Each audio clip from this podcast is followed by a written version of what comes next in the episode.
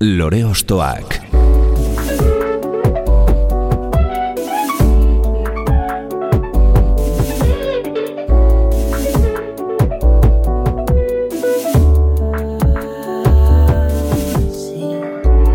Ekain perezek aurkeztuta, gonbidatu bakoitza lore bat balitz bezala ostokatuko dugu. Jakiteko, zeintzuk diren bere lore ostoak. Haupa, zer moduz, ongietorri lore ostoakera. Beste atal batean izan zen gurean Madeleine taldeko parteide gisa, baino gaur bere bakarkako proiektua aurkeztera datorkigu. Izan ere artista kamaleonikoa da gartxotun zain donostiarra eta berak esan duenez, orain gartxot hau da erakutsi nahi duena. Jau, Madeleine, John Bercout, Bizaldi, Bananas edo Grises taldetan ibilida edo batzuen kasuan oraindik dabil gaur egun ere.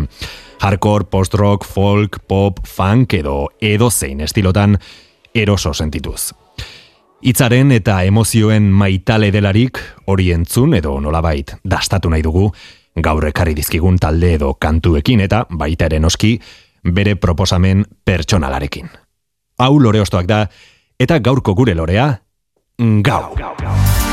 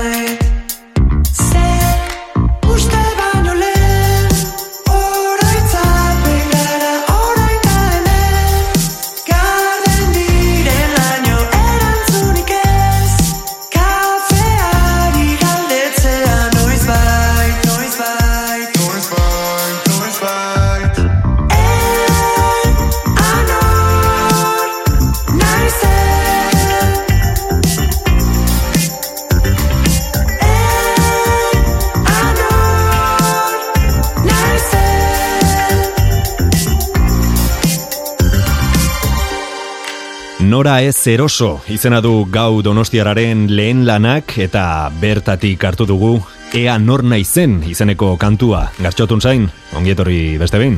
Kaixo eka, mi esker eh, beste behin eh, gombidatza datik. Ea, e, guztu bat ortzen nahi zonea eta zukin, gehiago. Bai ez, bueno, ja tokitxo bat egina dagoa zuen. Bai, bai, bai, bai, bai, bai, bai. Beno, gau edo gartxotau tokatzen da orain, ezta? Ba bai, e, bueno, izenak e, labur biltzen duen bezala, eta leno aurkezpenean esan dezun bezala, e, zakit zorionez otamalez, baino talde askotan parte hartzeko aukera izan dut, e, musikarekin e, famarkada bat baino gehiagoko e, harreman aktibo bat eukidet, eta bueno, ez da orain izan, baino duela urte batzuk, e, iru, iru bat urte do, e, sartu zitzaian beste askori bezala ez, gauzak zure zure neurrian, zure moduan, zure etxeko goxotasunan egiteko e, gogo hori, ez taldeko dinamikak e, gaitzesten baizik eta pixkatzeo ze berria egiteko, eta horti jaio zan e, ba, hau ez, beste asko daude, aldaerak ditu jende guztiak bezala talde bakoitzean e, paper ezberdin bate ukitzen dulako norberak, baino gartxot hau da, ba, pixkat, e, bai ibilbide horretan edandako e, guztia, musika estilo, jende, esperientziatik, ba, pixkat bere baitan bildu nahi duen proiektu bat, ez? E, kronologia guzti hori eta esan daiteke nere e, komillak, ez dira ikusten baino komillak irekitzen nahi naiz, e, nere proiektu e, pertsonala eta nere abestiak lehen lerroan jartzea zala asmoa, ez? Nere diot beti ere inguruko lagun eta mila laguntzarekin, eh? beti esaten da eta egia da bakarrik ezin da ezer egin bideo hontan eta nik ere ba sorta asko ukidet e, beti baino proiektu hontan ere bai e, lagun askota zinguratuta egotea. Eta oso pozik nago e, hausnarketa txiki bat bezala irutzen zait azkenan norbere tasun hori ere taldeko dinamiketan ematen dela ez? Baino em, askatasun pertsonal hori ere e, zuk biziko zenun e, badakit ibiltzen zala hor ere gauzak mhm. egiten jo etxean zaudenean bakarrik zure zure borroka horiek ez, eta zortzi ordu gauza bat egiten, eta de repente, etzai gustatzen, eta borratu dana, eta Bai, zu zure kontra, ez? Zu zure kontra, e, batzutan zaila ere bai, eta frustrantea, baina benetan gero emaitza ikusten dezunean, e, sartzen zaizu horrelako e, arrotasun oso oso polit bat. Eta gau hori izan da pixkan nerea bestiak egiteko naia, eta ere bai esango nuke e, oraindik saiatzen dabil, baino berandu konturatu naiz e, musikari bide hau e, profesionalizatzeko e, gogo bat daukatela. Eta orain arte naiz horrela ibili. Gehiago ibili naiz e, amala urte hauetan ba, bihotzari jarraitzen eta gauzak e, etortzen ziran bezala hartzen. Baina esfortzu asko jarri dut e, proiektu honetan, irutzen zait oso nerea dala eta eta bueno, ea bizitzak usten diten, ba, bide duin bat egiten, saiatzen ari naiz hortan, e, nekeza da, eta zaia. Baina horrela plantatuta dago ere proiektu hau pixka bat, nire proiektu pertsonalera izateaz gain, benetan eman nahi diot e, ibilbide bat, ez da? E, aretoetan, e, plazetan, antzokietan, eta, eta ea zemuz joan, bai? Mhm. Amets ondoa, zaintzeaz hitz egiten duzu, ametsak fruitu gisa ematen dituen zuaitz moduko bat irudikatuz, eta uste baino lehen oroitzapen garen horretan, behin berriz galdetzen diozu zeure buruari, ea nor nahi zen. E, bilaketa konstante bat da hori, ez? E, batez ere ametsen atzetik zuazenean. Bai, bai. Eta bueno, gero gainera ametsitza peligrosoa, eh? baina hemen metafora bezala esan nahiko nuke ilusio edo motibatzen zaitu horren bila, ez? E, hau da, barruak eskatzen dizun hori e, zuaitz bat izango balitz, ba, e, hori ze puntutaraino babesten dugunez. Askotan barruak eskatzen digun hori ez dugu zaintzen, ez dugu ametsondoa ez zaintzen, ba, egunerokotasunak eramaten gaitulako hori deskuidatzera bezala, ez? Baina beretan barrura begiratu eta norberak ikusten badu motivazioa nun daukan, e, esfortzua nun jarri nahi duen, hori eginda jasotzen duen horrek ze arrotasun e, kartzen dion, ba, zaila da identifikatza, baina nik aspalditi daukat identifikatuta, nun daukadan, eta sorkuntzan da. Mm. Sorkuntzak motibatzen hau bai individualak, bai e, konpartituak, Eta hori da nere ametsondoa eta saiatzen naiz e, zaintzen, naiz e, esan dezun bezala, ba, uste baino lehen ere saiakera batzuk e, zartu egiten dira, gu ere zartu egiten gean bezala, eta horrek bidean ba, gora bera horiek e, beti eramaten gaituzte alako duda existenzial amai ezin batera, eta horregatik galdetzen diote nere buruari ean hor naizen. Eta bueno, erantzuna da, ba, saiatzen dan persona bat. hori da, aurkitzen duten... E, erantzun horrela garbiena. Mm -hmm. nahikoa da, eh? Bizitza hontan irauteko ere, hori... Baina, bueno, saiatzen naiz behintzen. Bueno, saiatzea ez da, ez da gutxi, saiakera beti eh, bai. valoratu beharreko gauza bat da. Bai, bai, Eta lanaren titulua ere, bueno, hortik doa, ez? Bai. Nora ez eroso, em, ez hori eh, parentesi artean erdian mm jarrita, nora ez eroso, nora ez eroso, Ba, izen azkenean, e, gizarte honetan bizigean e, izaki gehan bezala, e, ezartzen zaizkigu norabide batzuk, edo gauza batzuk ikusita daude norabide egoki edo desegoki bezala.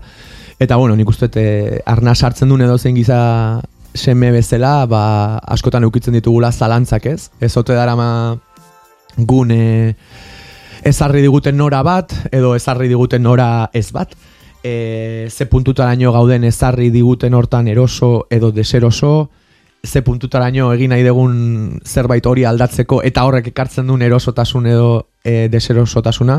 Ordu neri asko gustatu zitzaian e, e, izen honek zeukan e, irakurketa dual hori bezala ez. Ni sentitzen aizelako batzutan nora egokian nagoela nire buruari entzuten eta bihotzari jarraitzen, baina oso ez, e, ez erosoa da gizarteko individu bezala, zen eh, ez dago biderik hori hor laiteko. Baina gero askotan sentitu izan naiz ere gizarteko partaide eroso bat bezala, e, hori izan daiteke mila alda, e, aldagai izan daitezke, baina normalean esango nuke gehiena dela e, soldatapeko lan bat izatea, edo oreka ekonomiko hori izatea ez. Mm Baina ukidetenean ere, hau da, ez hartzen da nora hori bete detenean, e, ez erosoa izan da, kaso psikologikoki ez da. Orduan, e, pua, zaila da hor erdigune bat aurkitzea, eta irutzen zait dena gaudela ez dagola inor alde batean edo bestean. Dena gaudela erdiko parentesi horretan. Eta orduan, ba, Mirializ esaten duten bezala, askotan hitzak eta espresio batek nola laburtzen duen e, eun horriko hausnarketa bat egin egiteko Bai, moduko gai bat ez konprimituta da. ez? Bai, eta asko gustatu zitzaidan. Eta gainera, bueno, badakizuzuk ezagutzen azu, pixkat frikia naiz fonetikarekin ere bai, eta gainera nora ez eroso, nora ez eroso, zera, ahota horrek, ez, fonetika horrek e, erakarri ninduen, eta eta eta hortxe, bai. Gartxotun zain edo gau da gure gaurko protagonista eta bere lore ostoetan murgiltzeko unea iritsira. Lore ostoak. Esan bezala, Madeleine taldeko parteide gisa izan zinen beste atal batean eta orduan zure aukeraketa espektro temporal zabalago batetik edo bizitzaren osotasuneko euskal kantuetatik egin bazenuen, oraingoan proposamen aktualago edo gertukoagoak eh, ekarri dizkiguzu, ez? Bai, bai, e, igual aurrekoa izan zen gehiago, e, nola esan, bizitzako argazki albuma ireki eta hor e, bizitzako esentzialak edo, baina gaur ekarri dizkizut pixka, ba, orain aipatzen ari ginen e, ametxondoa zaintzeko dauden e, mila modu hoietan, ba, pixkat hemen inguruan e, jardunean ari diran e, talde gazte esango nuke, baina hemen ere komillak e, egiten ari naiz. E, bai, jende pixkate ba nere generazio edo inguruko lagunen jardun hori ez. Vale, eta Hortan saiatu naiz, bai. norekin hasiko gara. Bale, lehenko ekarri dizu duela e, zorionez azken aldian, eta esango nuke 2000 eta hogeita bian sorpresa asko aurkitu ditu dala. Sorpresa diot e, lehenengo aldi zentzun eta zer da hau e, eragiten dizuten e, sorpresa horiek. Eta lehenengo ekarri dizuten abestia aukeraketa izan da e, Peru Galbeteren ura abestia bere azken e, beiratu albumekoa edo diskokoa, Mhm. duela ez hainbeste ateratakoa, uste Bai, gainera. bai, bai. Eta duela gutxi ere zuzenean e, e, gozatzeko aukera izan nuena. Eta bueno, abesti hau izan zen, e, lehengo entzunaldian barru barruraino sartzen dan horietakoa. Eta ze, ze ederra dan e, sentsazio hori, eh? Ederra da ere lehengoan sartzen ez dan abesti bati enegarren aukera ematen diozunean eta beste ez dakit nola esan, eh, beste zaugarri batzuk atzematen dizkiozunean, baina hau benetan lehengoa lehengoa dizentzun nuena esan un, ala, baino Zer da hau, ez? Ez zaizu Edo- pasa zuri, abesti hori nik egin nahi, nahi dut sentsazio hori ze Bai. derran, ez? Eta jutu zitzaidan, em, bai, e, sensibilidade oso oso berezia zeriola, ezagutzen un Peru albete, zorionez, e, bueno, gaur ekarri deten zerrenda hontan, esagun nuke ia denak denak ez esatarre, baino laguna da, Mhm. eta bere aurreko lanetik ezagutzen nuenik, nor zara zu lanetik, e, gainera olako mm, nola da, kuadernillo txiki bat, fanzine bat aterazun, e, oso, oso bere musikarekin, e, bere musikaren sensibilidadearekin bat zetorren edizio fisiko bat egin zuen, eta ja horrek harritu ninduen, eta pixkator e, pista jarraitu nion, eta disko berri honekin, eta batez ere abesti honekin, e, utzi nau ba, aurreko diskarekin bezala, hau bete hortz, edo esaten da, bai. Mhm, Bai, konektatu zenuen. Bai, bai, irutzen zait, e, kasu honetan Peru identifikatuko nuke ametxo hori zaintzen duela bere oso berezkotasun e, nola esaten da fragila ez nahi esan, baino bai, irutzen zait tipo bat oso oso berezia, oso inguruan dauden joera hoietatik e, pixkat aldenduta, naiz eta atzeman daitezken ere bere eraginak, baina oso bihotzetik zuri, bihotzetik bihotzera ari dan em, artista bat iruditzen zait. Gainera ni oso zalea naiz e, berak e, izugarrizko maixutasunarekin kontrolatzen dituen registro agudo eta hotsaren e, manipulazio hor- em, horren zalea naiz ni, Baina, bueno, bera dago beste, beste nivel batean, eh? Be, e, zuzenean ikusi nuenean ere duela asko ezitza edala pasa ahots batekin eta barruko zu horrekin iaia mikrofonotik kanpo ere e, kantu eginda benetan barrena mugitzen dizkizun artista bat e, ikustea eta eta gustatzen zait, gustatzen zait e, beraiek bakarrik e, gela bat betetzeko kapazitatea daukaten pertsona horiek, ez? Ez, e, ez monitorekin, ez ez dakiz ze mikro, ez ez dakiz zer. Hori ere ondo dago, eh? eta, eta gustatzen zait, baino ez dakit, esentzia hitzarekin lotuko nuke Peru, eta ura bestia hau irutzen zait, jafriki jarrita, babai estrukturalki, em, estribilloa, nun, nola, instrumentazioak, bere hau irutu zitzaidan, e, single puska bat, baino ez singelei normalean e, lotzen dizkiegun e, oikotasun horietan. E, single ez dakit. bai, tratamendu ezberdin batekin, bai, baino... E, bihotzeko single bat bezala. eta, eta ez azalekoa normalean izaten dian bezala ez. Eta, bueno, enamoratu egin nintzen, eta gainera aitortu barde, eta asko egiten dut hau, ez? Zerbait gustatzen zaitenan, saiatzen ez jendeari e, esaten, hau da, bai. zea besti puzkain dezun, ekain edo peru edo zakizue. Zuzenean, ez? Zuzenean, eta gogoan daukat peru galbete hauen zun, eta zuzenean inkrepatu nuela e, Instagrameko audio audio batekin, plan de zorionak, hau ezin dezuin, ezin hau zuola utzi, lurrian, zakiz, eta eta oso ondo, oso ondo, egia esan, e, ilusioa egiten dit, ere, olako sensibilidadea duen jendea ez, ikusita inguruan e, ematen du oraindik badagoela esperantza e, mundu hobe bat eraikitzeko ez. Gero basta ez dakit telebista piztu edo kalera irtetea, baino bai, hori jo, nola sentitu zaitezken e, lau minutuko pieza batean oraindik ere esperantza dagoenaren sentsazioarekin eta eta benetan ederra da. Uste eta amar bat emango nioke tantaz tanta moldagarria eta malgua den ura osatzen dela dio nolabait metafora ezberdin batekin zure eh, nora ez eroso horretatik gertu gondaiteke oinarrian ez e, korronte eta kontraesanen artean ean hor naizen edo e, garen jakin nahi horretan ez? Bai hor esaten du e, bizi oso bat pasatzen dugula ez e, bizi honetan nola bizi ikasten edo hori da, hori da. Orduan, e, buah, hori ere behira, ez dauka asko gustatzen zait ere hitzak ez dianean oso ez dakit nola esan jasoak edo komplikatua, baina metafora kasuntan ez da ez da metafora bat da e, egi bat ez, bai. oso bat aramagu bizi hori nola bizi ikasten ez, eta badi joa gaina ikasketa prozesu horretan, orduan irutzen zait bai, denboraren e, ieskortasuna eta eta denbora hortan ba, bakoitzak zen bide hartu dezaken, asmatuz edo faiatuz e, horren titular oso oso deigarri bat, oso deigarri bat. Mhm. Itzen, melodien eta sentimenduen erreka eder horretan e, murgiluko gara beraz, Peru Galbeteren beiratu diskoa ireki, eta bertatik entzuteko, ura. ura. Tanta bat erori da, ta gero beste bat, ta konturatzerako, Azida erreka Ainda moldagarria Ainda malgua ura Ta konturatzerako Barrura saratu da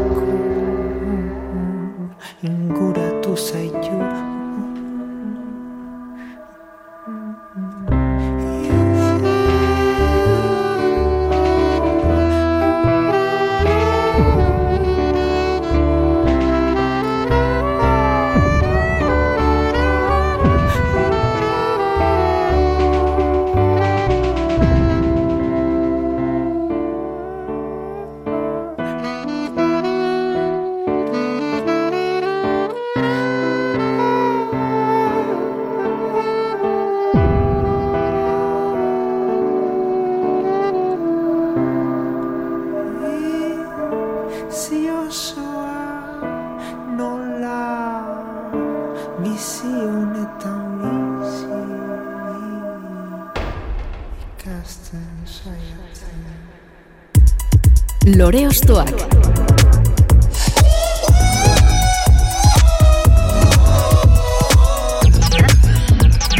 Peru galbeteren ahotsak berak ura dirudi melodien eta hitzen zirkitu estuenetan ere sartuz eta horrela iritsi da gugana ere, kasu honetan gauen proposamen gisa. Hasi gara zure lorea erantzten eta beste petalo bat kenduko dizugu, gartxot? Ba bai, eta petalo puska gainea, zen eh, esango nuke azken aldian nahiko eh, zakit, obsesioa hitz egokia da, baina e, bai, obsesionatuta naukan sortzaile batekin. E, Odei Barroso, ez dakit jendeak e, bizio izeneko e, ba, rap taldean aritzen zenetik edo bertsolaritzan e, izan duen e, bideagatik e, ezagutzen duen, baina ez dakienak jakin dezala orain e, lehen lana kaleratu duela, bakarlari bezala, e, terapia izenekoa. Eta mm, zer esan, e, beste behin ez da nik e, entzuten deten estilo bat, em, bueno, beraiek drill edo hip hop e, iluna deitzen diondik, iluna eta subgrabe duna. Baina dirudienez drilla da eta sonikoki ere ustez baditula e, Bai. adiera berezi batzuk, ba hori ez bum, subgrabe landu hoiek, em, oso zortzi zero zortzi e, zea txastoi eta, bueno bai, Eta mm, egia esan ez da konsumitzeko itura daukan estilo bat, baino eske hitzi gabe geratzen naiz eta begira hitza dala Hori da, eh, hitzik gabe geratzen zara, baino hitzez beteta hori da, hitzez beteta dagoen lan batek nola utzi zaitzaken hitzi gabe ze polita. bai, bai.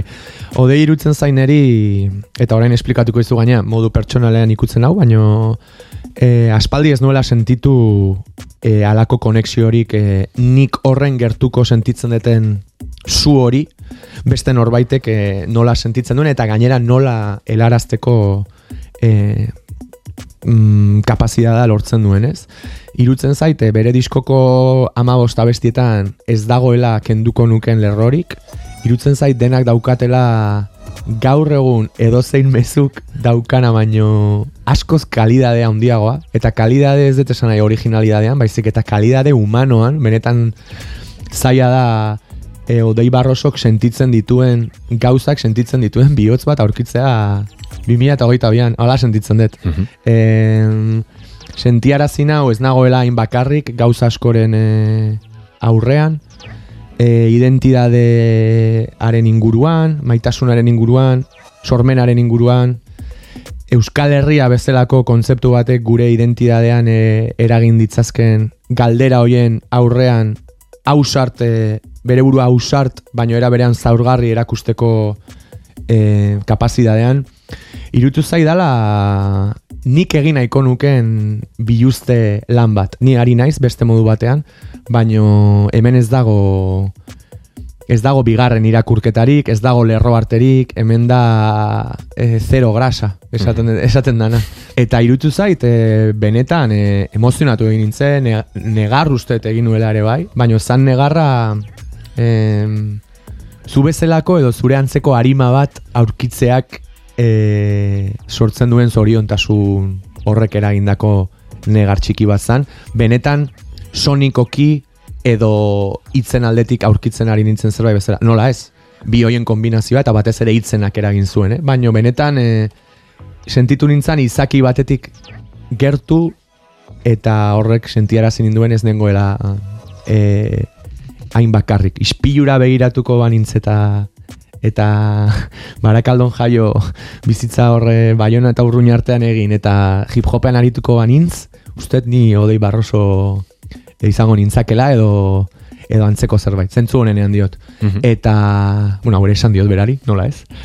Eta gainera sorte aukidet, em, nere lenguzu aitzol, e, berarekin dabil, orain zuzenekoetan, eta hor pixkat e, munduratu baino lehen e, esklusiban entzun e, Ah, izan aluen, e, izan nuen, e, al izan nuen barkatu e, diskoa, eta oso polita oso polita izan zen. Oso polita izan zen sentsazioa, e, bi single igota zituen duela hilabete batzuk, terapia eta zinez, okarrez banago, eta horiekin ja enamoratu nintzen, eta jo, ba, bi, horrelako bi abestiekin enamoratu. Eta disko batean ama bost datozela enteratzen zanean, ba, imaginatu nola enfrentatu nik, eh, emozio hori.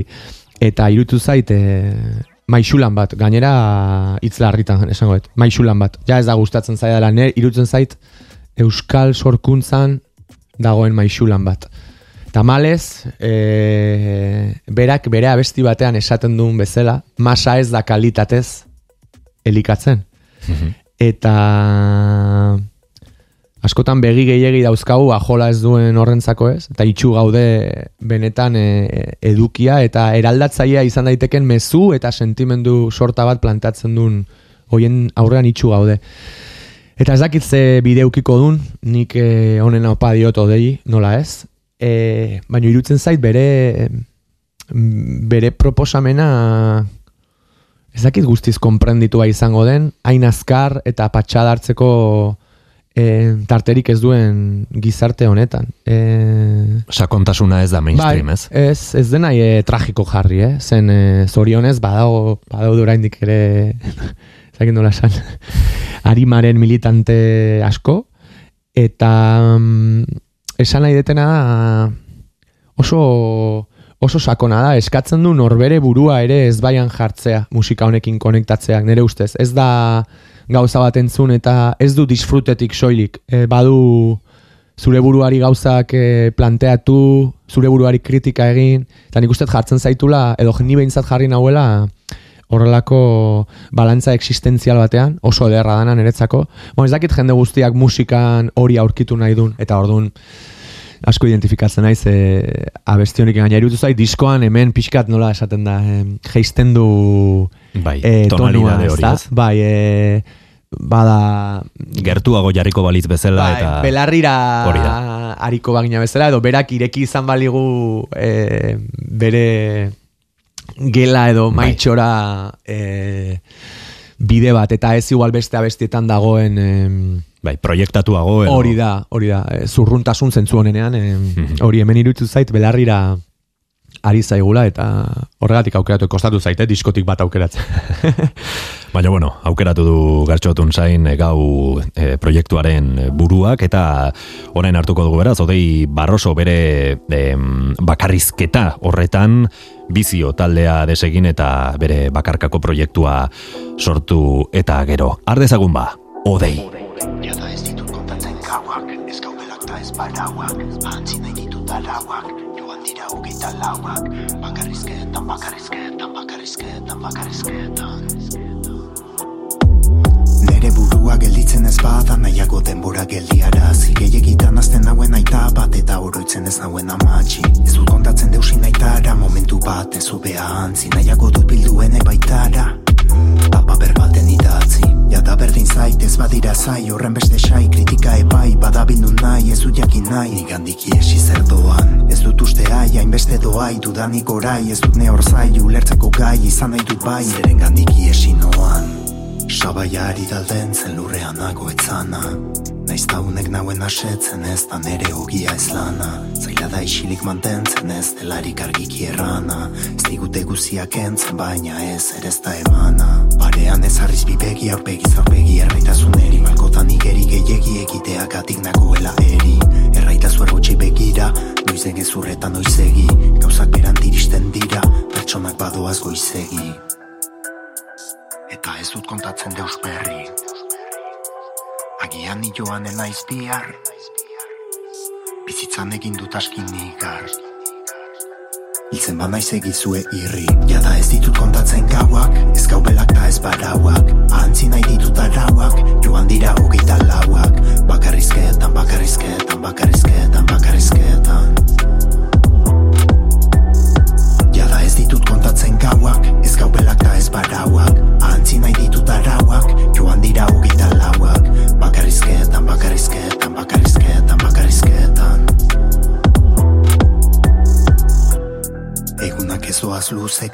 gelditzen dira motz. Gehiagitan apainduak amorruz eta biraoz. Ez dute minik eman nahi mina askatzera datoz. Min ematen badizute zure problema da ados jotake, beste batzutan jota be Nahasi zaizkit goita be, hemen hitzik ez doa jo gabe. Puzlea osatu zera ikiz landuz Baina egunero pieza bat galduz. Bioz bat ez da neurtzen, eman dituen taupadetan Esperantzaren lautadetan gu ere banatu ginen lautaldetan Igaro harren gaua bertan, aritu harren lauak betan. Berriz kolpatzen banau zertan sinetxi bere arauetan Jada ez ditut kontatzen gauak, ez gaubelak ta ez barauak Ahantzi nahi ditut arauak, joan dira hogeita lauak. Bakarrizketan, bakarrizketan, bakarrizketan, bakarrizketan gauak, ez gaubelak ta ez barauak Ahantzi nahi ditut arauak, joan dira hogeita lauak Bakarrizketan, bakarrizketan, bakarrizketan, bakarrizketan Ekain berezek aurkeztuta, gonbidatu bakoitza lore bat balitz bezala ostokatuko dugu.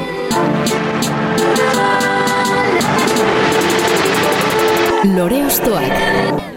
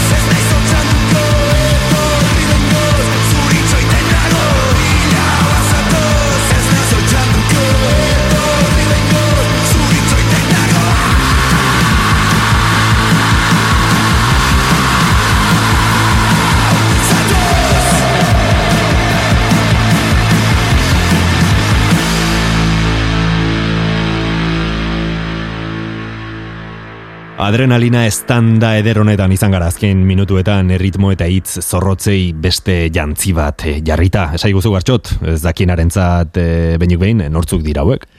Ba, hau, e, zestuako talde ehar bat da. Ezpalak, parrari eutxina diot oso laguna dialako. E, bai, ezpalak da, ezpalaken zatoz abestia da, beraien e, bigarren diskoko ustaki singela izan zen, baino niretzako pepino handi handienetariko bat. Kolpatu, topatu diskako e, abesti puska bat.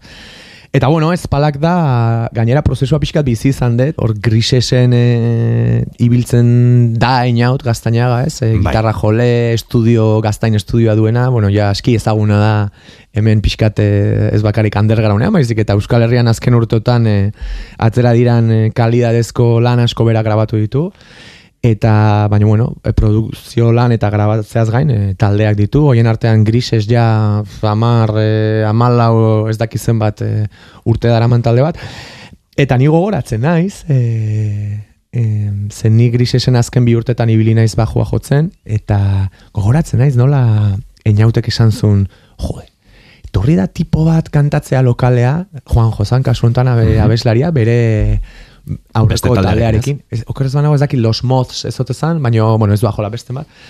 Eta, bueno, enaut da e, sortzaile tenik ez duen sortzaile bat, ba, bos mila ideia grabatuta dituen hoietako bat, ez? Gainera estudioa dauka, hau da, imaginatu dezakezu ere, Jostailu ederra. ni juten naizen bakoitzan, etxean gauzak zenbat kostatzen zaizkiten ikusita, ikusten dut beran gitarra hartu, eta, joe, emaiak ire habilidadia, da, esate dut, ez? Eta goatzen naiz hor, eh, oso historia polita da, zehatikan Juan Joketzekien euskeraz, Hori da. gaur egun ere... Larri, ez? Barkatu, eh, Juanjo. Baina gaur egun ere e, ulertzen du eta baino ez da euskal hiztuna eta eta inauteko gogoa zeukan, e, ba, pixkat grisesen estilo dantzagarri horretatik e, pixkat aldendu eta zeo ze gogorragoa egiteko edo zuzenagoa ez. Bai. Eta ba hori, gra, maketa batzuk grabatu zituzten, e, e, Juanjo euskeraz e, nola esan ikasi zuen, eta pim pam, besteari esan, ez dakiz zer, eta jaio izan oso modu kuriosoan, ez balak, eta gaina lehengo, lehengo pertsonan bizi izan un prozesu bat izan zen, eta Eta gero ja, bigarren diskoarekin irutzen zait, e, bihurtu didala, lehengoarekin bai, baina realidade bat. Hau da, hemen inguruan pixkat, e, egurrean aritzen diran talde asko daude, nola ez? Baina ezpalakek badauka, leheno aipatzen genuen, e, egin nola esan, ba, foalse bezalako o, eragin zuzen bat nola izan daiteke dantzagarritasunean, baina badauka derrepente Gordintasun hori, gordintasun bat eta bere alakotasun hori ez. Einaut beti izan da oso e, oso british. E, ez dakit jendeak hori ulertuko duen, baina oso Ingalaterran eh, ezagunak egin diran e, talde asko askoren jarraitzaile. Mhm. Eni ez dakit nuan, ez ni igual oso ondarribik izan hori, ez dakit sorotan belengatik, baina British esan nahi dut, e, zuk ulertzen dira, Bai, bai, oso ba, distorsioa eta lehen gai izan duten talde asko, bueno, egur asko Inglaterran sortu zan, ez? Eta erreferentzia asko uki dute bai berak eta bai Alejo Grisesen Eta uste hori nabari dala ere em, ezpalaken, baina, bueno, niretzako euskeraz kantatuta e, originala izan da, soinu kalidadea ere bai, e, ederra izan da, irutzen zait. Ez duke esango ga, em, nola esaten da, em, bueno, jendeak apreziatzen du, eta asko jotzen ari da, baina, zakit, arri bitxua da, baina irutzen zait e, oso originala dan talde bat, eta eta jendeak atentzioa jarri barko liokela, zen abestiak borobia dira, ezberdinak dira, baituzte borobiltasun zuzenago bat daukan e, itzala bezalako singelazo bat, ez? E, hau bezala single bat askoz e, bum, zure arpegian nola ukabilkada baten modukoa, baina gero baituzte eta lehengo diskoan ere bai, e, ez dakin, niretzako urdinagoak diran, lehengoan ere esaten nion, urdinagoak diran e, abesti eta paisaia batzuk. Eta irutzen zait, dala talde bat em, gogortasunera edo bere alakotasunera ohituta dagoen norbaitek disfruta dezakena, baina askotan ere dago jendea ba, hoi zea soinu gehiagi o nola izaten da Zarata, ez? Zarata da, eta irutzen zait, olako jendearentzako ere, badago, ba, izan daiteke talde bat, e, zait nola esan, Ba, erakargarria zarata, zarataren e, kursilloan, ba, lehen klasean entzuteko, ez? Eta Eñautu Gaztainaga aipatu duzu, eh, gau ere, berarekin grabatutako eh, lana da. Bai, bai, bueno, enautekin pasatzen zait, e, lehenu aipatu dizuten, bakarrik ezin da prozesu horretan gaurekin laguntza asko jaso dut. E, proiektu hasi genuen e, Jon Horna eta nik, em, hemen donostian zegoen beka moduko bat irabazteko asmatu genuen e, taldea edo dinamika hau, eta hor e, ba, pare bat abesti aurkeztu barzian, hor ere ba, laguntza jaso nun, bai Jon, zuk ere lagundu zenian e, soinuari e, bilakaera bat ematen, hor ere oriol aritu zan gurekin bateria batzuk sartzen, ordun e, lagunez inguratuta izan dan prozesu horren azken puntuan topatu dute inaut, eta estudioan baz esan, guk azkenan Madrinekin ere berarekin grabatzen dugu, eta ba, lagun bat, gertuko bat, ez? E, askotan e, askozo hobeagoa da konfiantza, benetan izugarri dakien edo profesional profesionala dan, bat baino. Eta hori esan da, onena da, einaut izugarrizko profesionala dela, eta asko dakiela. Noski. Ordun da, irutzen zait... E, Bi gauzak dituzu horrez. Bai, dana, dana, dana dauka. Da tipo bat umila, em, irekia ere bai, asko gustatzen zait. E, jende asko dagolako aurre iritziak batzutan e, pixkate begira lausotzen diotela. Eta inaut beti da pertsona bat aportatu nahi duena, ez? Lore Ostoak. Ezpalak taldea alde batera utzita beste proposamen batekin jarraituko dugu, nor da orain aurkeztu nahi diguzuna gartxot. Ba, urrengo abestia Blankita Karrakelaren Jo, dakit nola esaten, eh? Burgoñe o Burgun. Bourbon. Ah, Burgun. bai, hitze frantsesa da, eta mm, ez dena hain kasartu, azeke Burgoñe esango, eh? Tola, Begoña. Mhm. Eta Blankita Karrakela eh, Asier Beramendi den eh, bakarkako proiektua da, oker ez banago. Haure laguna da, Asier, eta bere garaian, eh, bueno, hemen donosti inguruko talde jario horren artean ezagututako lagun bat. Em, ez da, adibidez, ba, ezpalak eta gaur ekarriko ditudan beste lagun askorekin bezain e, etengabeko harremana daukaten aserekin, baina bueno, bizi izan dut bere, bere prozesua, denak bezala bere, bere gora berak, baino irutzen zait bere bakarkako lana ausarta izateaz gain, e, estilo asko nazten ditulako beti ere nik. E, ez dakit folk edo edo kantautore zaku horretan sartzen duten estilo batetik abiatzen da, baina baditu beste aldaera oso oso interesgarriak. E, okerz banago bere garaian erautaldean ibilizan Hori da. e, mila gauz egin ditu eta eta aukidet aukera ere zuzenean ikusteko eta bueno bere sorkuntza disfrutatzeko. Baino horatzen naiz e, baleno pixkat urarekin pasa zitzaidan bezala esperu galbeteren abestiarekin gogoratzen naiz e, Blankita Karrakelaren abesti hau entzununean melodia kiston pila gustatu zitzaidan eta sentitu nun amar bat zala sentitu nun e, ba hori, bateria xume, gitarra eta elementu askori gabe benetan ahots baten eta melodia potente batek batez ere estribilloan altxatu ninduela eta eta irutzen zait em, abesti oso oso borobil balden esan dizudan bezala idatzi nahiko nuken horietako idatzi nahiko nuken horietako bat eta mm, abesti hau da niretzako hori, pixkaleno aipatu dizuten hori em, elkartzegune bat bez- bezala beste, beste pertsona batekin eta eta asko gustatu zitzaidan. Badu, badu disko edo epe batean atera zen okarez banago eta beste abestia ere oso, oso ederra zan, akaso esperimentalagoa, baina hau irutzen zaidala hori, honen txentzungo dezu, baina instrumentalki eta melodiak era perfektuan eh, enpastatzen dituen abesti bat, single bat, e, singlearen, eno esan dugun bezala, aztalekotasun eskaxori gabe, hau da, bakarrik e, harima. Maite zintu dala esan Baino lehen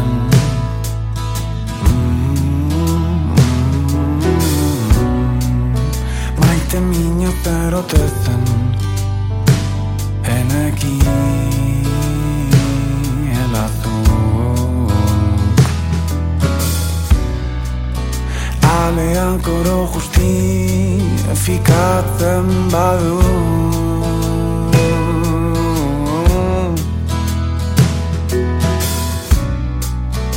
Aitzaki ardien ardi Amen done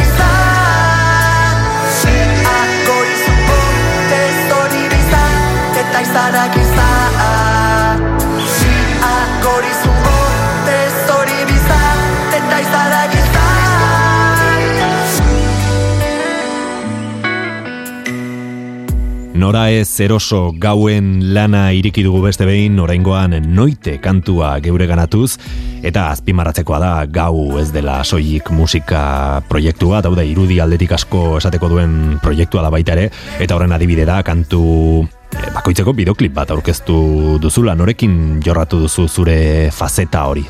Ba bai, e, bueno, mm, badakigu taldeek eta gaur egun geroz eta ohikoa badala taldeek em, ikusentzunezko erreinu hori izatea, ez, ondoan, ez? Ja, ez da bakarik onda asunto bat orain irudia da, e, anguloak, estetika, eta niri ere asko interesatzen zait.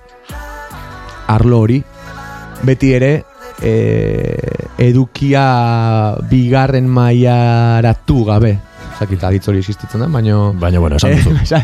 Hau da, bien artean em, zerbait potenteagoa sortzea ez, Bai, ez gaien, gaientzea, ez? hori eh, da, bata eta asko dago horrela, eh? Bai. asko dago tamalez gaur egun e, izugarrizko azala eta izugarrizko ez dakit nola esan, bai, fatxada hori dutenak eta atzean, e, ez dakit, mezu gutxi edo hausnarketarako bide gutxi ematen duen entretenimentu hutsa, ez? Entretenimentu begientzako entretenimentua irutzen zaidala. Mhm. Eta ez e, barru edo garun, garunarentzakoa. Baina bai, nik beti izan bueno, ikusentzun ikasi nuenik, e, bere garaian Steven Spielberg izan nahi nuen, e, Amelik e, maite mindu ninduen, eta izango nintzen munduko gidoilaririk onena, ez? Baina etorri zan unibertsitatea eta pixkate musikaren bide hau eta eta komila artean heldu bilakatzearen bide hau eta mm, a, pixkate zinearekin zer ikusia zuen pasio hori ba, naiz eta mai- maila praktikoan pixkat hotzan du e, gustatzen zait gaur egun eta fijatzen naiz eta nahi nion proiektu honi eman e, niretzako gain balioa da ez da balioa e, mugatze, em, ez da balioa hori egitea baizik eta gain balio bat bezala ez. Eta gainera inguruko jendearekin egiten pixka leno musika komposatzen genionean bezala inguruarekin egiten duzun guzti horre dauka niretzako gain balio personal batez. Zeratik ni konturatu naiz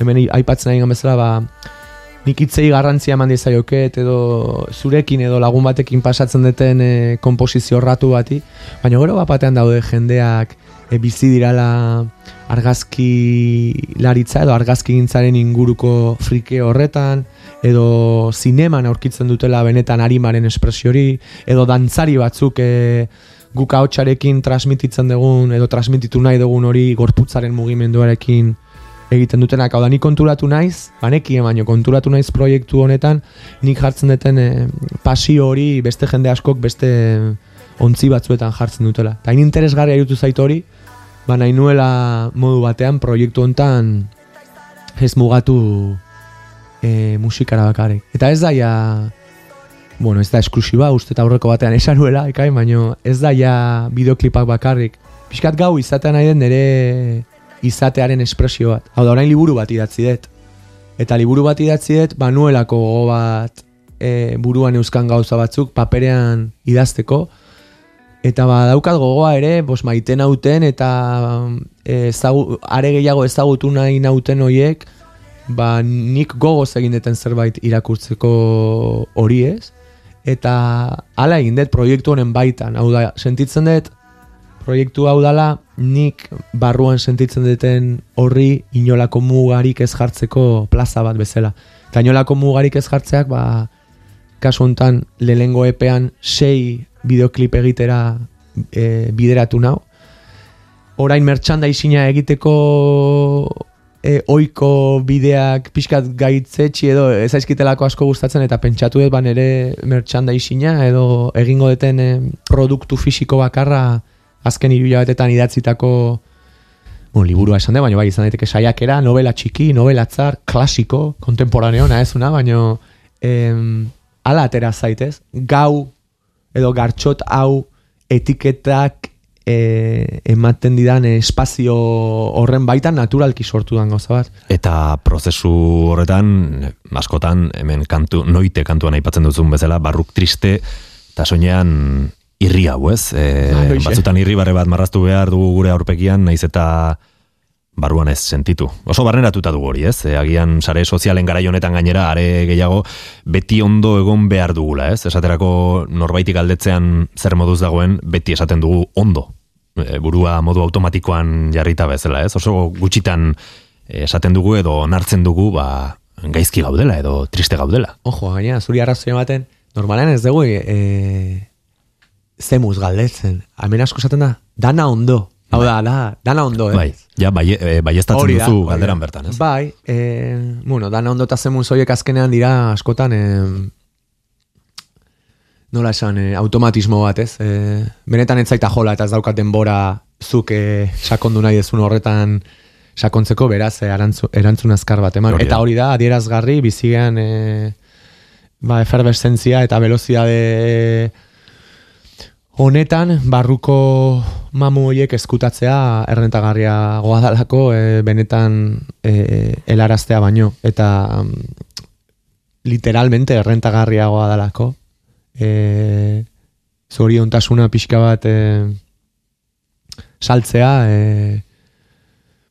ba, hausnarketa tristetasuna edo dudak edo zalantzak dituen pertsona baten izate hori saltzea baino. Baino Bai, denak fragilidade daukagu- hori bai, erakustea baino. Bai, baino denak daukagu bi alde hoietatik asko, ordun e, norbera jakingo du ze nola esan ze farsa maia e, darabilkin bere bere bizitza. Doinurik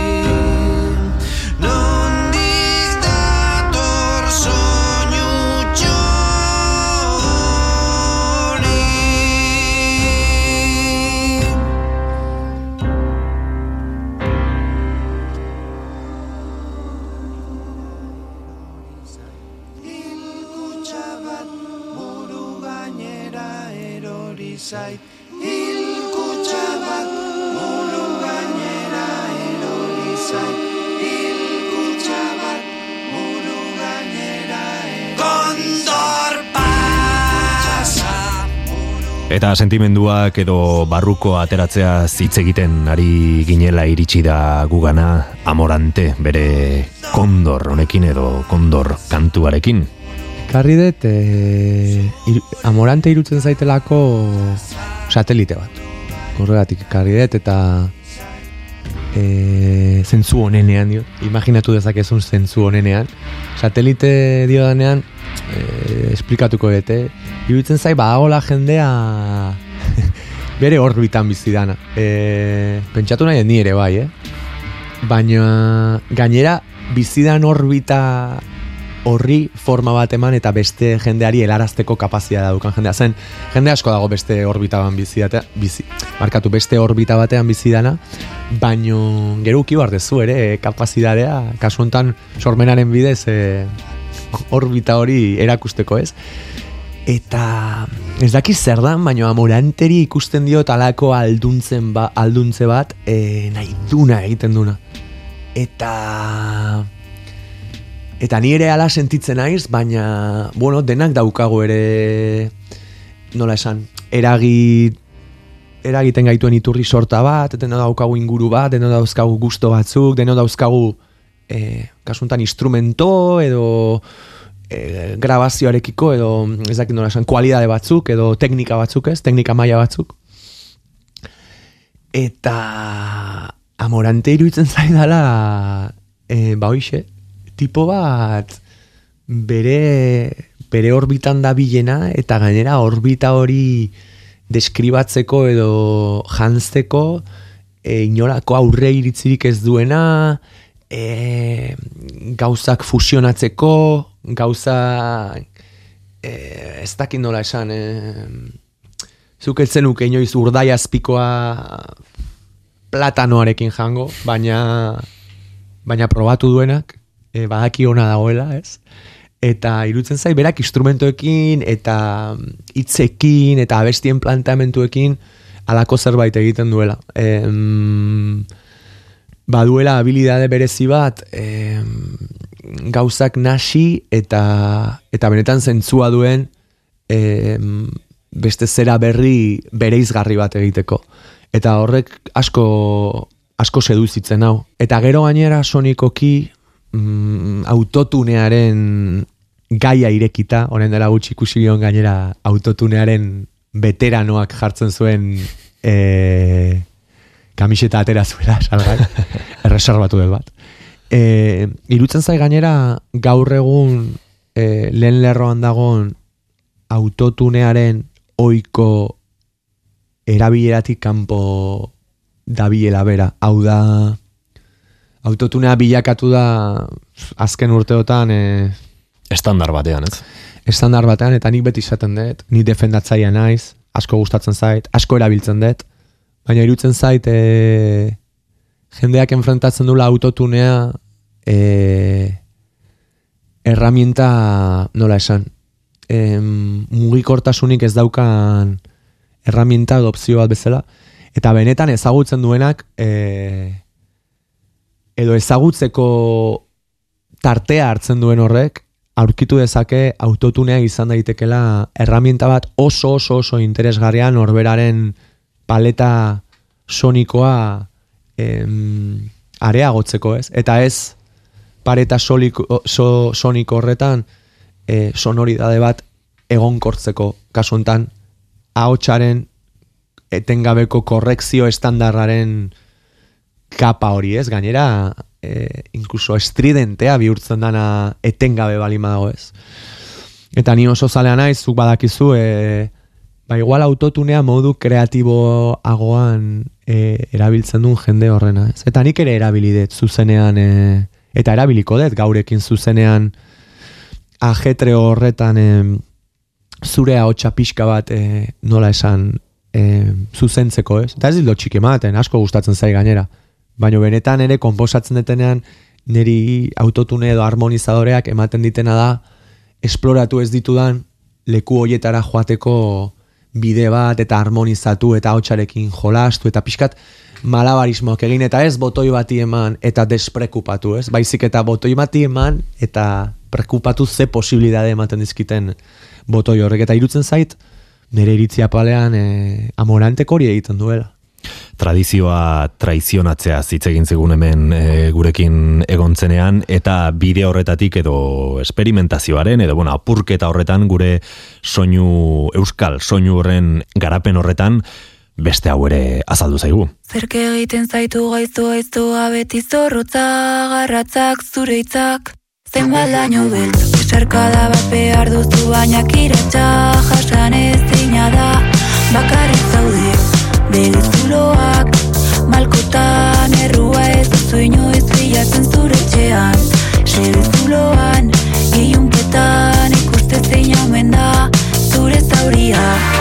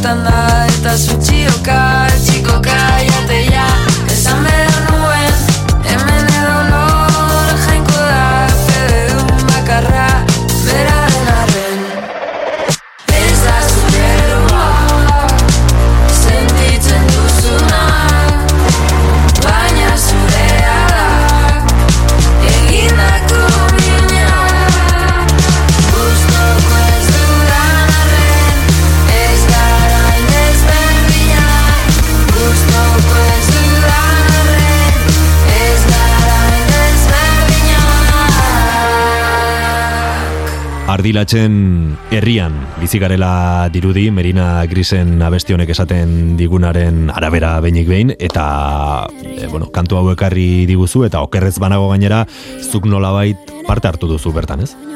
Bai, azkenean e, bueno, beraien anonimotasuna ez dugu e, hemen, jokoan garriko, ez? Jokoan garriko, ez? E, earkiten nahi dialago, baina bai, bueno, gertuko gertuko proiektu badare laguna ditut eta Eta bai, beste batzuekin bezala, ba, sorta izan dut e, gaien bi abestietan e, hitzetan kolaboratzeko. E, bai uste lehengo singela atera zutena, bestek zer, Aha, bai. eta orain e, e, atera duten, e, bueno, orain disko guztiak kaleratu dute, bestek zer ere hor dago, baina azken singela uste izan dela ardilatzen herrian hau. Eta bai, bai, Merina Grisen planteamendua, berai esaten diet, igual sonikoki eh, ni ez nago ituta alako zakin no, oza, violentzia komien artean duen eh, elektronika eta oso estridenteak eta potenteak diran abrasiboa da igual, ez? E, itza, ez nago ituta, baino baina kiston pila gustatzen zait. Kiston pila gustatzen zait, e, igual ere gertukoak direlako eta beraien esfortzua lehen lehen egunetik ezagutu detelako eta gainera beraien esfortzua beraien buruak superatzekoa, ez? Hau da, zerbait eskaintzeko berria, e, ikuspuntu eta plantamendu berriak behar dituen herri herri batean, e, beraien ideia eta prozesua beraien neurrian bizi eta defendatzeko adore aukitzagatik, eta bueno, e, kalidadezko musika egiteagatik, ez? Mm -hmm. ez dakit nola esan. E, igual sonikoki gertuago egon naiteke e, ez dakit. Espalak taldeo, espalaken abestian atzeman ditzake elementutatik, edo edo, edo Peru galbeteren elementutatik naiz eta ezberdinak izan, baina Merina Grisen dagoen produkzio maia eta hor dauden elementu milaka elementu tan galdu egiten naiz zentzu honenean, eh? Hau da badakite produkziorako duten joera, ze jakinduria, eta nabari da hori, e, eta irutzen zait oso lan potentea egin dutela, oso berritzailea, sonikoki, e, izenik eman gabe, askotan sonikoki berritzaileak diran proiektu askok ez diote garrantzia ematen, nik garrantzia handien ematen didan horri, hau da hitzak lantzari. Eta Merina Grisek egin du modu batean, eta gustatzen zait kombinazio hori. Nik beti esaten dut hitz egoki batzuk egoki esan nahi detena da landuta, eh, hausnartuta, ez dago hitz egokirik, baino ez dakit nola esan, sonikoki eman dizkiozun buelten erdia gutxienez eman da hitzei ja gauzak bere osotasunean beste potentzia bat e, beste potentzia bat hartzen du. Edo nik horrela sentitzen dut abesti hau da zaki jendeak arrapatzen duen baino hemen badago ere zuk esan dezuren o txikia gehala eta oasi txiki bat eta Euskal Herria lau pareta dira baino hemen badago ere historikoa eta tradizionala dan e, nola esan? Mespretzu moduko bat e, gauzak bere neurrian egin nahi dituen horrekiko, ez? Eta eta hemen ez gea konturatzen e, jo, gaina odeiek esaten du ere, nola esaten du? Ezinak teiatupe e, iguala dauka denenga, gure ezinak teiatupe iguala daukate. Baina ara ere, egizerratik, iritziekin, sare sozialekin, kritika merkeekin, ez tabernako konversazio zauek, askotan, gure ezinak teiatupe berdinan daude, baino elkarri harrika ari gea bezala, ez? Eta jende gehiegi dago saiatu beharrean e, gauzen estandarrak e, zeintzuk dian helarazten ari da, ez? Hau ondo dago, hau gaizki dago, zuk hau egin dezu, ni hau nahi zu hau zea, eta niri askotan pasa zait horrek tristetu egin hauela, batez ere gure artean, eh? Em, ez dakit inbidia dan, ez dakit frustrazioa dan, denok nahi dugu bide duin bat egin, denok nahi dugu gure sormena profesionalizatu, gutxik lortzen dute, lortzen dutenen lortzen dutenekiko begirunea baino askotan lehenago dator mesfidati izatea ez. Eta hori da barruan daukagun gizaki Animali hori, ez? animalia putre hori eta ez dakit gainera Euskal Herrian ezote dagon hain txikia izan da eta hain tradizioari leno amoranterekin lotutare hain tradizioa hemen hemen gardena da hemen gardena da e, urepeleko Baiara eta Mikel Aboa eta Erramun Martikorenak e, folklorean duten e, zea hori e, egurrean de kulto izan daiteke dut eta kuraiaren garai hori eta eta pixkat katakun betara joaten bagea, ba, guazen eskorbut, otazea, guzti, eta, eta hori da, hori da historia, hori da e, esentzia, eta hori da ez daki zer, eta, eta gero e, sorotan bele bat da, e, hau ezea, e, ke soso, dakez, pum, eta bueno, sorotan bele igual ez da adibide honena, baino asko kritikatzen da estiloagatik, autoengatik, e, ze puntutaraino talde batek betetzen duen e, nola esan mm, identidadearen kupo hori ez? Eta askotan irutzen zait e, jende askok identidadea ikusten dutela kupo bat bezala eta hamar pantaila ukiko balitu aba ni behatzian nago eta zu batean. Eta gainera nik zu batean zaudela em, publikoki esango dut edo okerrago bizkarrean esango dut edo ez dakit, iruditzen zaite besten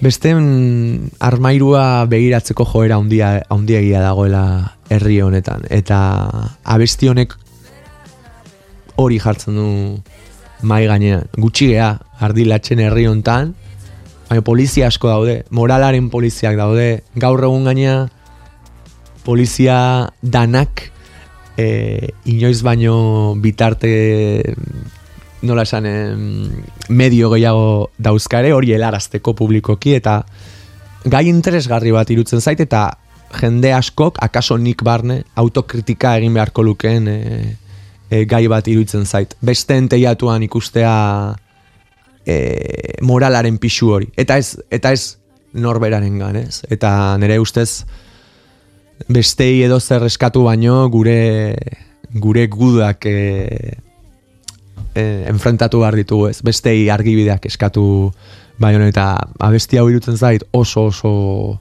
borobila alderdi horretan. Gaina diskoko nere favoritoa dela esango nuke ere bai. Ez dakite zergatik estruktura kaso ere bai e, ba, bukaera nola gehatzen da nor zea hori. Ez dakit, asko gustatu zait. Merina Grisen lehen lan hau eta eta honen azordiet, eta bueno, ba, etorkizunan ere aukera bat ematen badiate, ba, hor laguntasunetik eh, hitz batzuk eh, hitz batzuekin beraiei laguntzeko, ba, oreare, oreare bada, ez nire ondarrale txikia horrek ustea. Lore ostoak. Gonbidatu bakoitza lore bat balitz bezala ostokatuko dugu.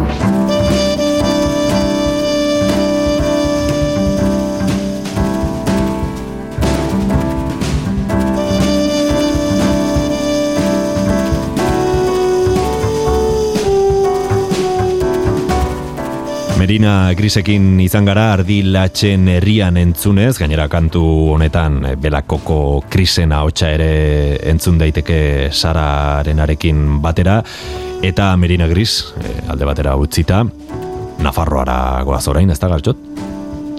Ba bai, pixkat e, igual doinu nola esan e, soken mundua, soken mundutik gertuago dauden edo folk ikutu horretatik e, gertuago dauden doinuetara, Bai, azken aldian esango nuke gainera, e, azken urtean eukiduela talde honek e, ez dakit e, jendaurrera etortzeko prozesu horretan, e, gorakada bat zentzu honenean, eibilbedi taldea zari naiz, ez eta ipatu, eta eibilbediren e, orain bat gara, abesti e, ez ezagunena da, baina bueno, e, single ezagunenetariko bat ekarriet, baina ekarriet duela gutxi ere zuzenean ikusi nituelako eta eta eta ez ditut duela ere horren beste ezagutu, baina zuzenean e, ikusi nun jendearengan nola eragin zuen eta bueno, bai iruditu zait e, ekarri nahi nuen ideia bat e, irudikatzen duen talde eta abesti bat. Eta ideia hori da e, asko arro sentierazten hauela e, akasonik urte asko e, behar izan ditut musikak nire baitan zeukan garrantzi horretaz kostienteki jabetzeko. Eta generazio berri honi gu baino amar, amabi urte gazteago adian generazio honi nabari diot oso gaztetatik dutela e, oso sensibilidade berezi bat eta egiten ari diran musika horrekiko konstientzia bat. Eta hori sentitzen dut beste talde askorekin ere bai, baina ibilbedi entzutean sentitzen dut ikusten naiz ni duela amar urte eta ikusten naiz e, musika espontanidade huts eta inkluso utzikeria naif batetik e, enfrentatzen ez eta ba, eta bueno, gora urte horiek, eh? hau da zen bate oroitzapen, baino emozionatzen hau, e, handi batean barkatu ibilbedi, eh? baina talde hasi berrietan, hau da, ama sei urte jotzen daraman e, zar batek esaten du, ordu ondo hartuko dute. baina, bueno, bai, em, e, bos bat urte ez dakitzen bat daramaten, baina hiru ba, bai. hasi berriak diran, e, edo hasten ari diran e, talde hoiei nabari diedan e, zigurtasuna bezala. Eta gustatuko zaizu gehiago egurra, edo gustatuko zaizu gehiago ba, besti edo sonoridade lasaiago ba, batzuk lantzen dituen talde bat, baina benetan ikusten diet e, zintzotasun moduko bat. Zintzotasun eta ziurtasun moduko bat e, esaten ari diran horretan. Eta horrek e, emozionatzen hau, penatzen hau ere bai, zen esaten de joe, zenbat urte tardatu deten e, musikak nire bizitzan zuen zer esan eta garrantzi horretaz jabetzen. Kostienteki bizi nuen, eta errepente ikusten ditut talde hauek ba, e, bihotzetik ari direla, kalidadezko e, abestiak egiten ari direla, kalidadezko kontzertuak, e, kalidadezko jendarte batean ari direla, e, jendarte horrek errespetatzen duela sensibilidade horri eman dioten forma, ez?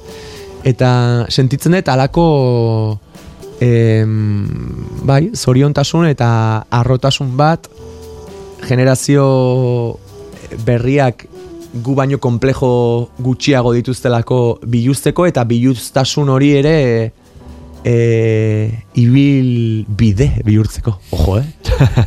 nola, nola lutu duzu. bai, nahi gabe, nahi gabe. eta benetan pasatzen zaitere beste adibide asko manditzazket, eh? Badakizu zu hemen irratian ibiltzen zea, badakizu zen bat talde berri ateratzen dian, eta zuri etzaizu iruditzen adibidez egongo dira estepzioak, eh, baino jo, ikusten dut gure garaian asko, askoz naifagoa ginala, ez? Eta, guazen, aurastigarran jotzen deu, eta guazen, eta zakizte punta, e, tripletiak asteburutan, gaztetxetan, ez dakit nun loiten, eta, bueno, hori ere ondare izugarri bada, eh? Baina, gaur egon ikusten dut, e, euren musikataz ziurrago dauden e, artista gazte asko daudela, eta eta gustatzen zait. Atzakotz leioa bero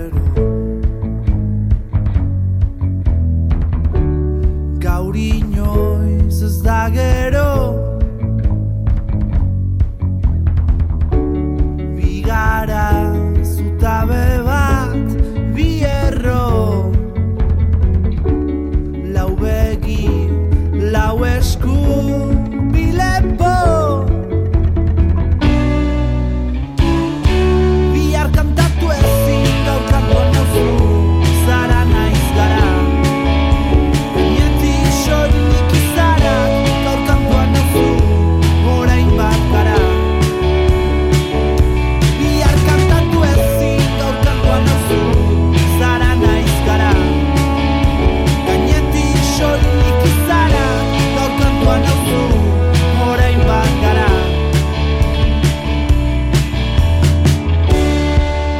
bat gara izena du kantuak eta e, geroaren eta orainaren arteko balantza hori da agian e, bizitzaren dilema handienetakoa, ez? Lehen ere nolabait aipatu dugu, em, ba hori, geroan pentsatu, e, zikera gero hori izango den ere jakin gabe, edo oraina lehen etxi geroak e, zer ekarriko duen gehiegi pentsatu gabe, ez? E, kontraesan moduko bat izan liteke momentu askotan, baino hori da, e, nora ez eroso hori baita, bai, ez? Bai, bai, eta azkenean, bueno, oentxe aipatu izuen hori da, ez? E, nora ez eroso horren aurrean, e, norberak ze jarrera, ze jarrera hartzen duen, Hori da. e, onerako eta txarrerako, eta norbera ze puntutaraino dagoen ere, hartzen duen jarrera horrek ekarriko dituen gora berak onartzeko. Eta horregatik esaten duen, akaso e, gure gaztetakoa nora ez eroso bat zela. Eh? Gauzak ez planteatzearen e, naiftasun hori ez. Ni hemen nago eta oiukatzen eta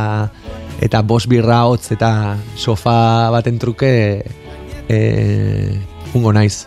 Eta igual, akaso oraingo generazioak badu horretatik ere bai, baino e, nora argiagoa du, nora badaki bere sentimentuak ze forma duten, eman die forma bat, eta aurkeztu nahi ditu munduaren aurrean, ez? Ez erosoago da, zegatikan lehen aipatzen genuen e, profesionaltasuna, burokrazia, em, merezimenduaren betiko galdera ikur hori, ekartzen ditu beste beste frustrazio batzuk ez, nunt zauden eta hola, baina igual nora argiago daukate. Kambio lehen, lehen, lehenago igual guk hasieran gure lehen taldeekin e, nora ez hori edo nora ez bezala ambizioa bai, baina oso ambizio bere alako eta basati hori ez, nora ez hori, baina oso erosoa zan. E, espero zen una zan e, izerdia bota, dau zerbezaan, biharko resaka txikia izatia, eta ba, enegarren argazkia ateratzea ez, oroitzapenen album horretarako. Lore Ostoak.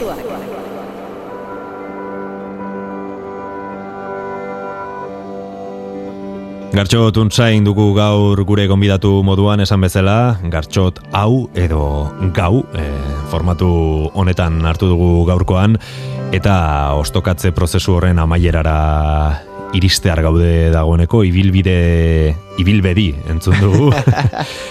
eta orain amaitzeko, e, zein izango da zure azken petaloa? E, ba, ekarri dizut, e, untza taldearen azken diskako agur itaka abestia, ezin ezer espero lehen urtean kaleratutako em, diskoko abesti bat, eta untzalekin beti pasatzen zait, e, eta ez zait gustatzen gainera. E, askotan jendeak e, irutzen zait automatikoki gauza batzuk e, zakin nola esan ridikulizatu bezala egiten dituela, ez? Eta pasa izan zait, e, bueno, nik e, bere garaian trikitisa jo nuen, aitortu behar dut e, mm, estridentea dala e, instrumentua, baina era berean e, izugarri maite deten instrumentua da. Nik, adibidez, e, eta zer da musika, ez? Ez balin bada bidaiatzeko, nola baitera bidaiatzeko ze bat, nik asko asoziatzen dut, e, em, nostalgia puntual batekin trikitisa, ez? Jo nuen edo alako taldeak entzun dituen garaiarekin, eta oso instrumento berezia irutzen zait, Eta ni gogoratzen ari, ze, bueno, untzak boom bat eukizuen. E, Aldapan gorarekin, Aldapan ez? gorarekin.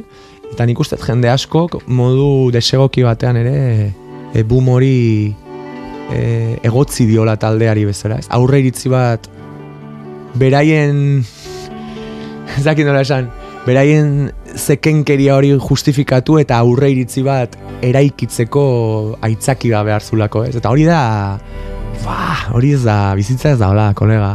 E, haiek asmatu, ez dakit asmatu zuten, ez dut uste formula baten bila zenbiltzani, gazte batzuk zian unibertsitatean talde bat egin, zutani elkartu ginen bezala, edo hango bioiek elkartu zian bezala, eta abesti tzar bat egin zuten. Eta zu ere abesti sortzaia zea, eta badakizu ez dela bestela aspaldi ingo noen nuken zuketani aldapagan gora bat, ez da?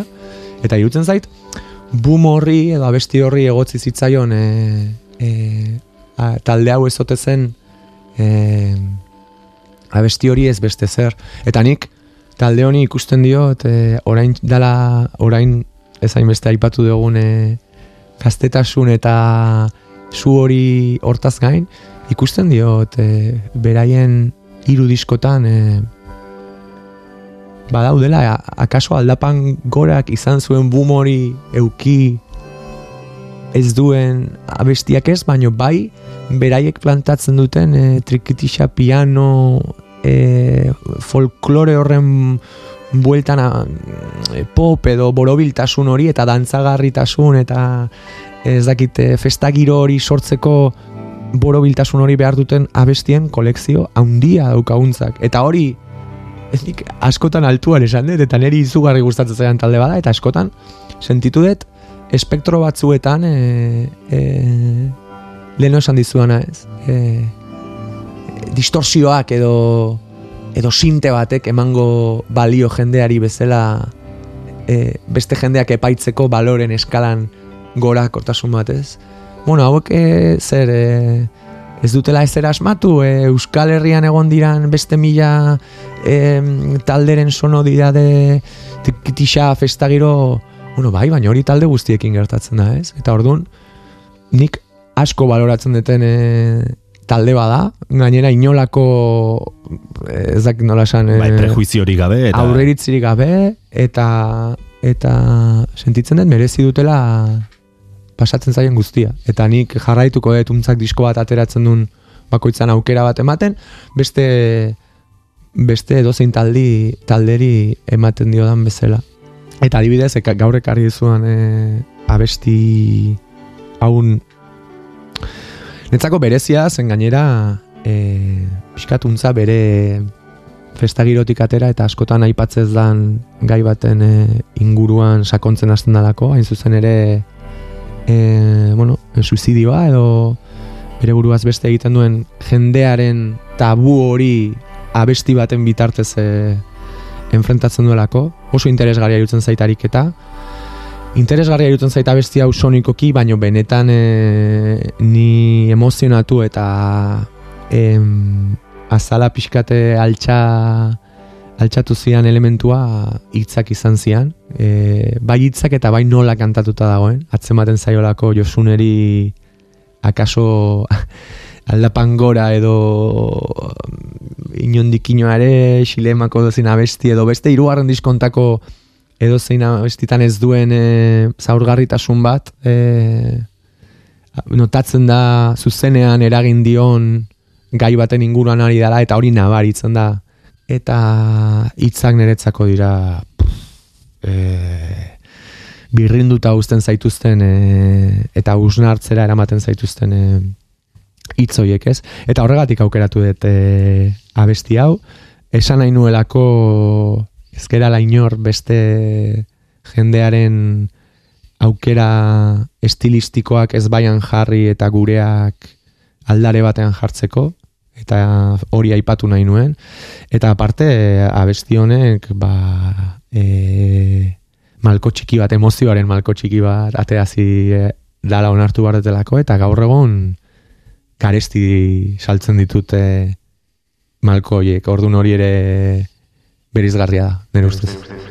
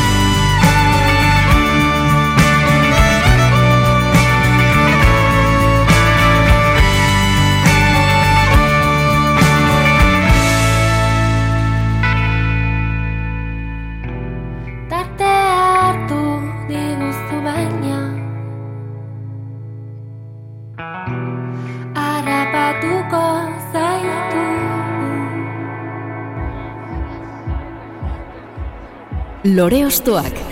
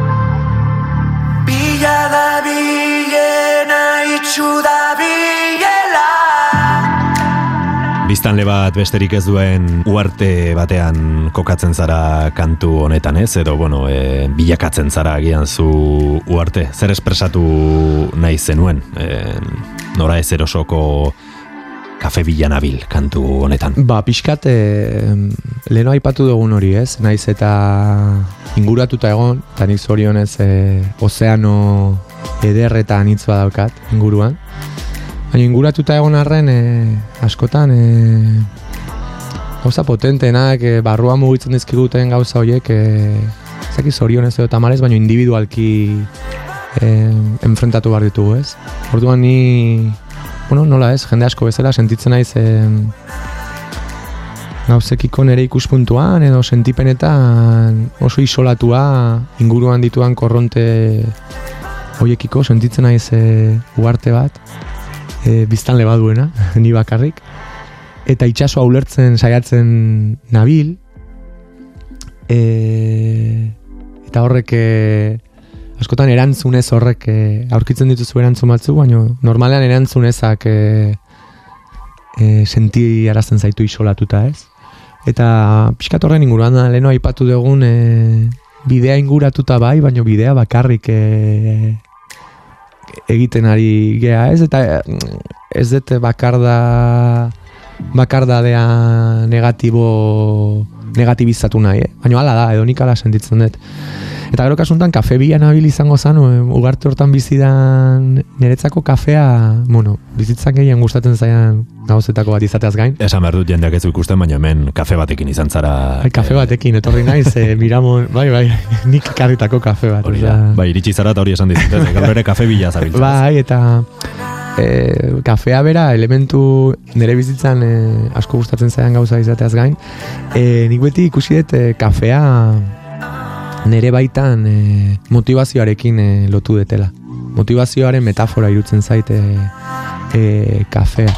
Eta ni nago e, kafe motivazio berrien bila bizitzan, hau da kafe berrien bila, ez? Nire mm, burua eraldatu, gauza berriak deskubritu, em, ezarriak nituen hoiek biratu eta jende berriarekin bakarrik, han, hemen, beti nago nire urrengo e, musika zari naiz, eh? Ka, o, bueno, orokorra, baina kasu honetan musika zari naiz, e, nire urrengo motivazioa e, zein izango dan.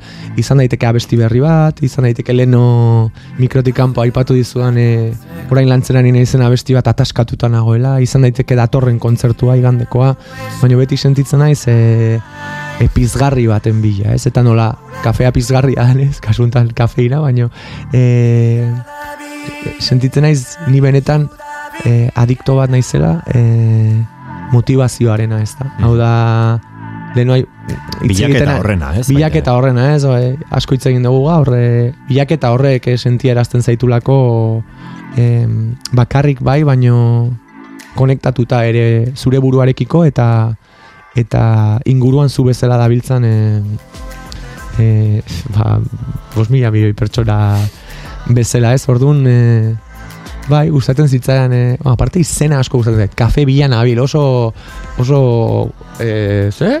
pixka da izen burua ez, baina berez da e, bizirik sentiaraziko nauen urrengo motivazioaren bila nabil.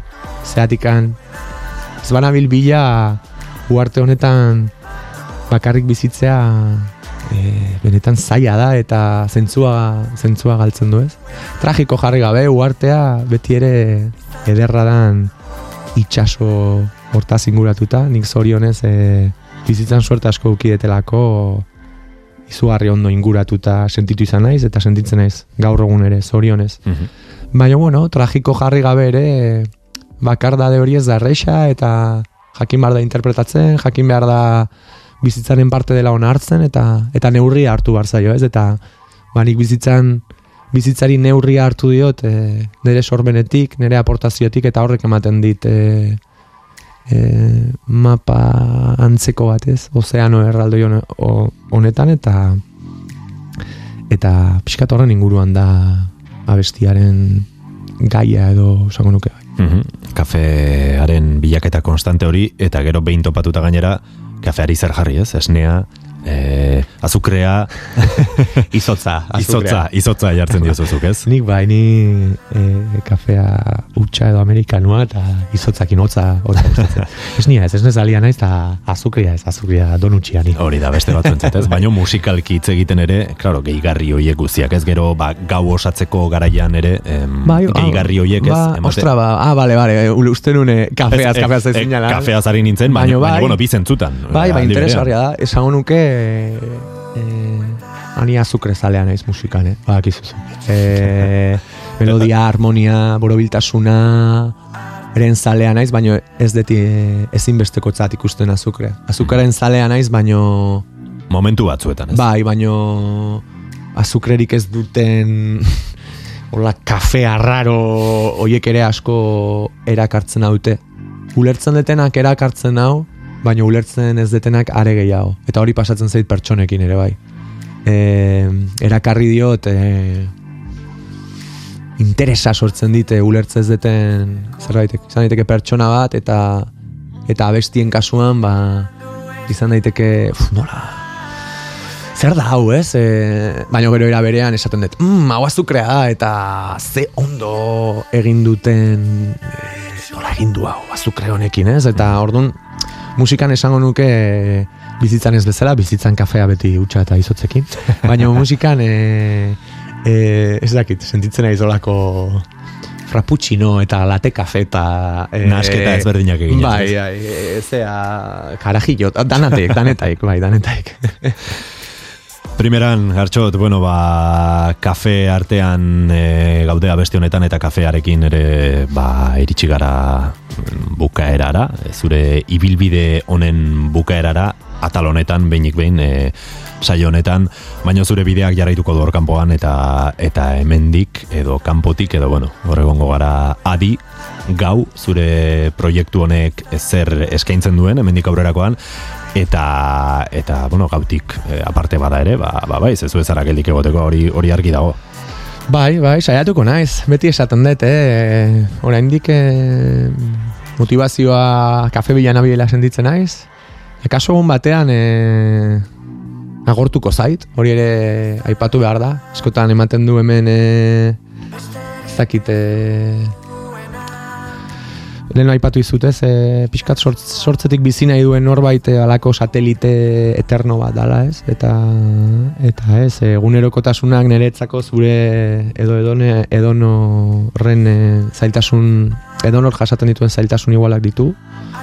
Baina niko orain bertan e, sormena oso oso oso e, bizitzari zentzua ematen dion oso elementu importantzentzat eta gertukotza sentitzen den nire izatearen baitan. Zindet esan hori beti da betirako izango dani, zen gizarte hemen dago, bizi hemen dago, urteak hemen daude. Baino oraingoz e, indarrez nago, indarrez nago bizitza ulertzen jarraitzen saiatzeko, e, hausnarketa horiei forma emateko, eta forma hori ere transformatzeko proiektu ezberdinetan, eta batez ere kasuntan ba, gartxot hau lehenesteko bizitzan lehen aldiz, eta gartxot hau etxita bideak zetankera duen ezagutzeko emozioz betzetan nago, eta iraundezala urte askotan, pozik bizi naiz. Ba, hori opa ditugu, pozik bizitzen jarraitzea eta e, kafe horren bilaketan aurkitzea eta dastatzen jarraitzea baita ere kafe hori. Eskarik asko gartxot. Zuri ikain. Eta nire partetik besterik ez, hemen izan da gurekin gartxotun zain, gaur gau moduan gartxot hau delako gaur tokatzen dena eta kafe bila nabil entzunez bagoaz. Ondo izan eta urren arte.